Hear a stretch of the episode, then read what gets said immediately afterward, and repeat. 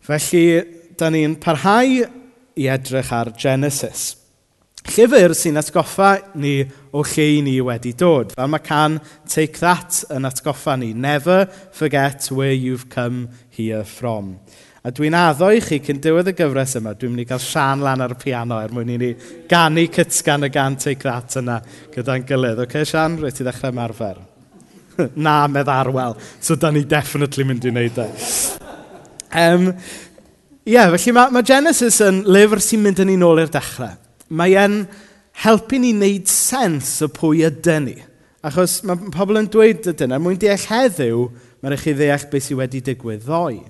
Mae Genesis yn lyfr sy'n helpu ni neu synwyr o'r byd yma i ni'n byw yn llyfa. A bod ar ddwrnod braf fel heddi, i ni'n cael rhyw snapshot yn dydyn o sut oedd y byd greodd Dyw i ddechrau. Ond pan mae'r glaw yn dod i lawr, pan mae yna newyddion trist ar y teledu, da ni'n gwybod hefyd bod ni'n byw mewn byd gwahanol i'r byd perffaith na ddew i greu. Felly mae Genesis yn helpu ni wneud sens. Pam, beth sydd ddim mynd yn rong gyda'r byd? Be, be sy'n rong yn yng ni? Ond hefyd, reit ar ddechrau'r Beibl, mae Dyw yn pwyntio ymlaen i'r ateb. Mae pwyntio ymlaen at y cynllun anhygoel yma sydd gyda fe trwy Iesu i ddod a popeth nôl yn iawn. I ni wedi edrych ar gardd Eden, i ni wedi edrych ar Noa, i ni wedi edrych ar Abraham, a tro diwetha wnaethon ni edrych ar hanes Abraham ag Isaac. Ynddo, a'r hanes rhyfedd yna ynglyn A'r diw sydd angen dim byd yn gofyn am bopeth gyda fe'n galw ar Abraham i fynd ag Isaac i ben y mynydd a, a cyflwyno Isaac fel aberth. Ond wrth gwrs, nath na oen gam i mewn yn lle. A mae hwnna'n atgoffa ni bod Iesu wedi cymryd lle yn holl feiau ni. Ag pam oedd Dyw yn rhoi Abraham trwy'r prawf yna? O un o'r pethau wnaethon ni fel amdano oedd hwn, bod Dyw weithiau jyst eisiau gwneud yn siŵr bod ni yn caru fe, nid jyst yn caru y pethau mae e'n rhoi i ni. A dyn ni'n caru'r rhoddwr neu ydyn ni'n caru'r rhoddion. So wnaethon ni jyst edrych ar y sialens yna tro diwetha. A da ni'n symud ymlaen felly wythnos yma i edrych ar gyfnod Jacob, sef un o feibion Isaac. Nawr, na i faddau chi am beidio cofio'r holl enwau yma a deall sut maen nhw i gyd yn perthyn. Ond dwi jyst mynd i... Mae un o hobbies dad yw um, olrhain uh, y teulu, chi'n gwybod. Faint o bobl sy'n mewn i hynna? Da chi, da chi mewn i... Ond ni, mae yna rai yma sy'n... Mae dad rili really mewn iddo fe. Ac na ddim eich borio chi, ond un ochr o'r teulu, dwi'n ddisgynydd uniongyrchol i Edmund Cramer. Chi wedi clywed am Thomas Cramer?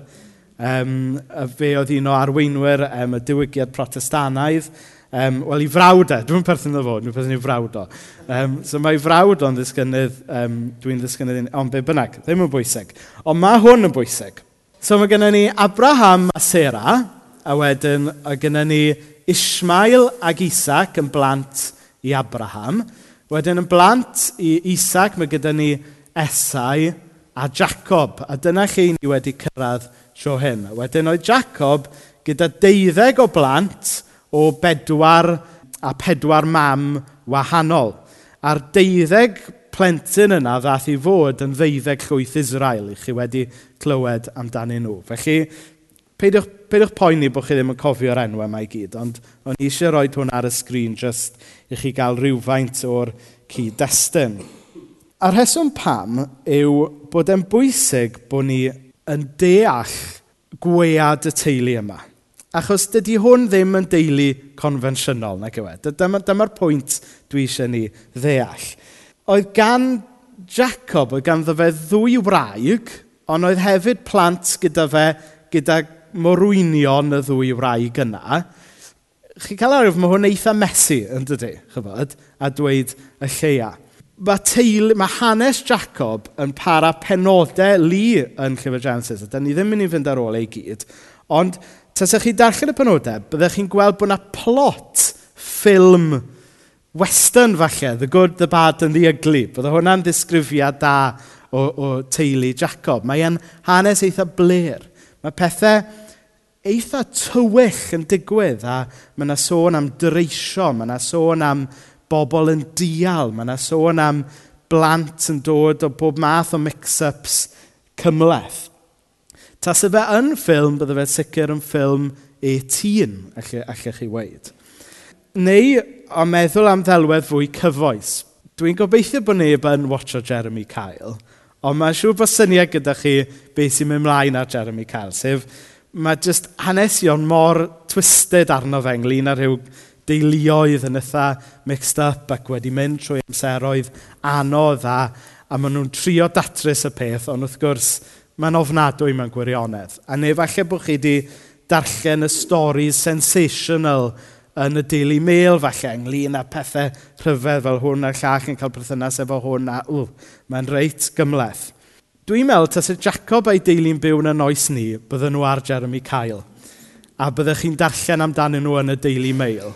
Ond y reswm dwi'n rhannu hyn yw, os ydy Dyw yn gallu dod ar newyddion da drwy y teulu cymleth, twisted, messed up yma, fe all Dyw ddod ar newyddion da i ni a trwy yn teuluoedd ni. Does dim problem yn rhy fawr. Does dim scandal rhy gywilyddus. Does dim craith rhy ddofn i ddew allu gweithio i oleini trwyddo fe. Os oedd Dyw yn gallu dod ar newyddion da, os oedd Dyw yn gallu dod ag goleini drwy hanes y teulu cymleth yma, mae Dyw yn gallu dylifro a dangos y newyddion da i chi ac i'n teuluoedd ni. Felly dyna, dyna dwi eisiau deud ynglyn â'r cyd-destun. Y prif beth dwi am ganolbwyntio arno bore yma ydy'r hanes yma ynglyn ag esau yn gwerthu i hawliau fel y mab hynaf. Oedd, oedd gyda chi efeilliad, um, Esau a Jacob. Um, Esau oedd yr hynaf, a wedyn Jacob syth ar ei olaf, a mae efeilliad yn cael ei geni. A ni'n darllen yr hanes bod nhw'n bobl, um, er bod nhw'n efeilliad, oedd nhw'n bobl oedd yn edrych yn wahanol i'w gilydd, ac hefyd oedden nhw'n gymeriadau gwahanol i'w gilydd oedd Esau yn bach o macho man, oedd e'n licio mynd mas i hela, oedd e'n flewog, ond oedd Jacob yn fwy eiddil, oedd e'n fwy tawel, oedd well gyda fe aros gytre. Oedd Esau, surprise, surprise, yn ffefryd gan ei dad, a mae rhywun yn deall pam os oedd e'n fwy o macho man yn licio mynd mas i hela, lle oedd Jacob um, yn ffefryn gan ei fam. A wedyn un diwrnod oedd, oedd Esau wedi mynd mas i Hela ac oedd Jacob wedi aros adre a wedi paratoi cawl. Esau yn cyrraedd adre ar ôl bod Hela wedi blino'n lan a gweld y bwyd yma oedd Esau wedi i baratoi. Ac Esau yn dweud wrth Jacob, wel, gai, gai rhywfaint o'r cawl yma gen ti. A Jacob yn dweud, wel, ie, gei di rhywfaint o'r cawl os i ti yn rhoi'r etifeddiaeth fel mab hynaf i fi. Os wneud i werthu dy etifeddiaeth. A mae yna gan gan Hugh Chiswell, etifeddiaeth ar werth. A mewn ffordd, oedd Esau yn gwerthu i etifeddiaeth fan hyn er mwyn cael pwlen o gawl. Ac ni'n darllen yr adnod um, drist yma. Ar ôl iddo fwyta ac yfed, dyma Esau'n codi ar ei draed a cherdded allan. Roedd yn dangos ei fod yn malio dim am ei hawliau fel y mab hynaf. So'r challenge i ni, dwi'n meddwl, ydy hyn. Beth yw'r pris ni? Beth yw'n Achilles heel ni? Beth sy'n gwneud i ni fod yn barod i daflu ffwrdd yr etifeddiaeth mae'n tad yn y nefoedd eisiau rhoi i ni?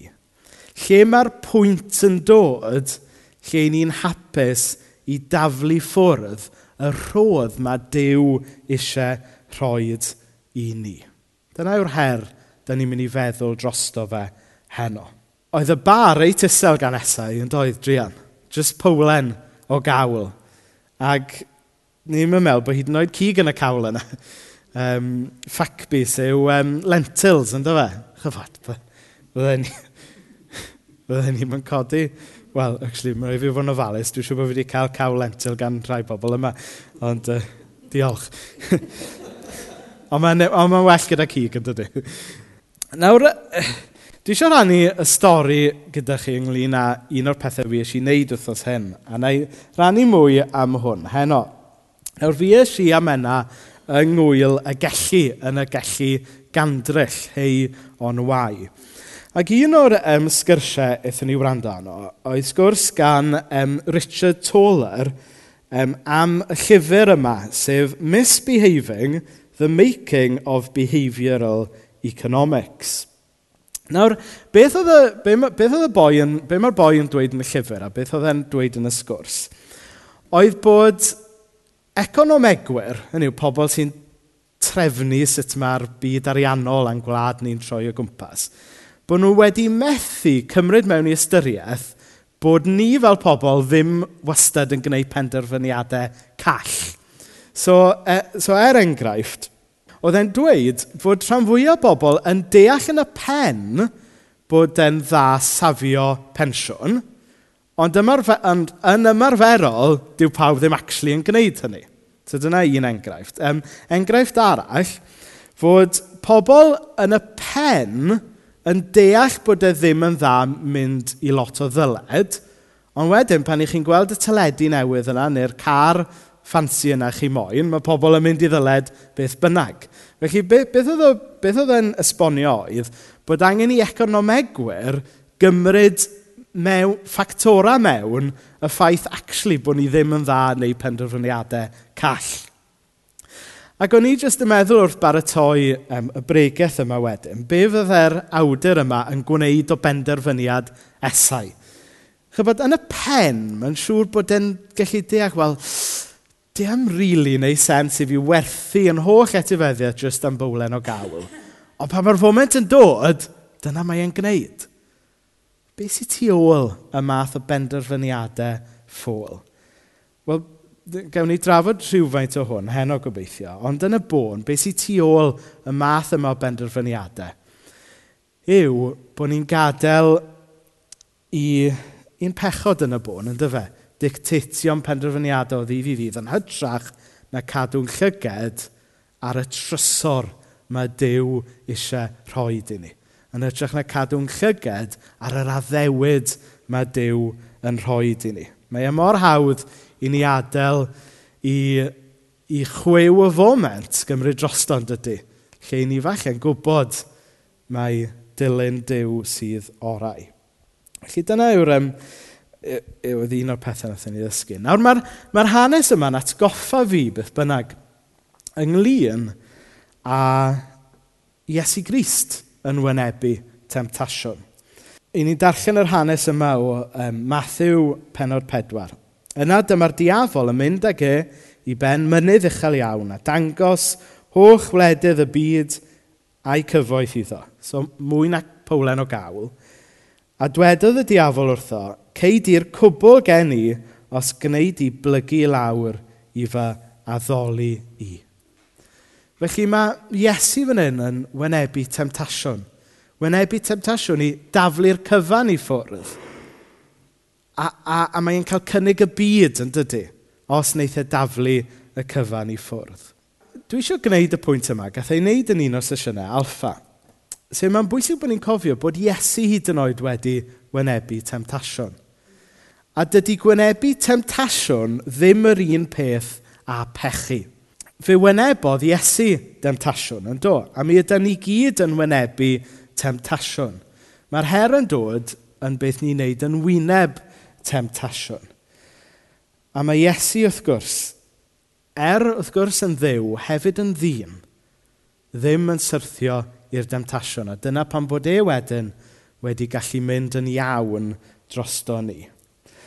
Nes ymlaen wedyn mae Iesu'n deud wrth y disgyblion, yn beth ydy'r pwynt o gael popeth i gan y byd i'w gynnig a chochi'r enaid.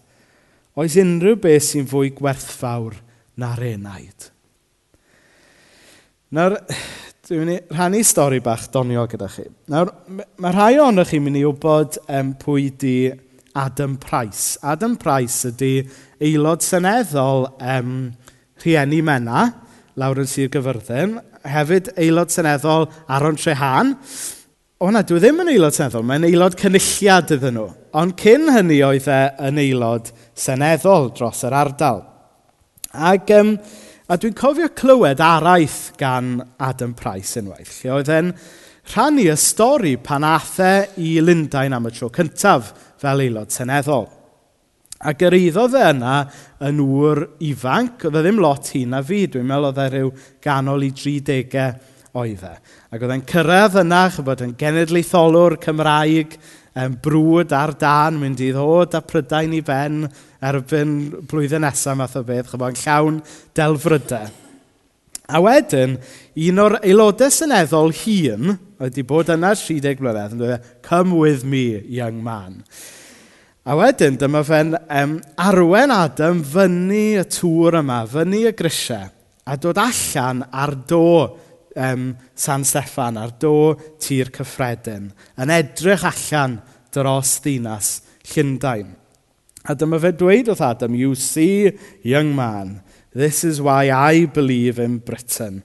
Look around you at all this splendour.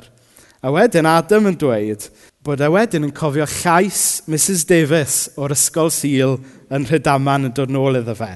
Can his palace had i ddyn os ennill y fe yr holl fyd a chochi ei enaid ei hun. Wrth gwrs, wneud pwynt gwleidyddol oedd Adam Price, yn dyfa, ond chi'n deall y ddalwedd yn dydych. Chybod, beth, beth i ni'n gwerthu allan amdano fe? Ond ni'n siarad am eneidiau fan hyn. Ni'n siarad ynglyn â'n dyfodol ysbrydol. Da ni'n sôn ynglyn â'n dyfodol tragwyddol fan hyn. Yr etifeddiaeth sy'n para am byth. Beth yw'r pwynt? Beth yw'n sell-out pwynt ni? Powlen o gawl? Mae'n stori trist mewn gwirionedd, yn dydy? Bod Esau yn fodlon gwerthu i etifeddiaeth i gyd jyst am bowlen o gawl.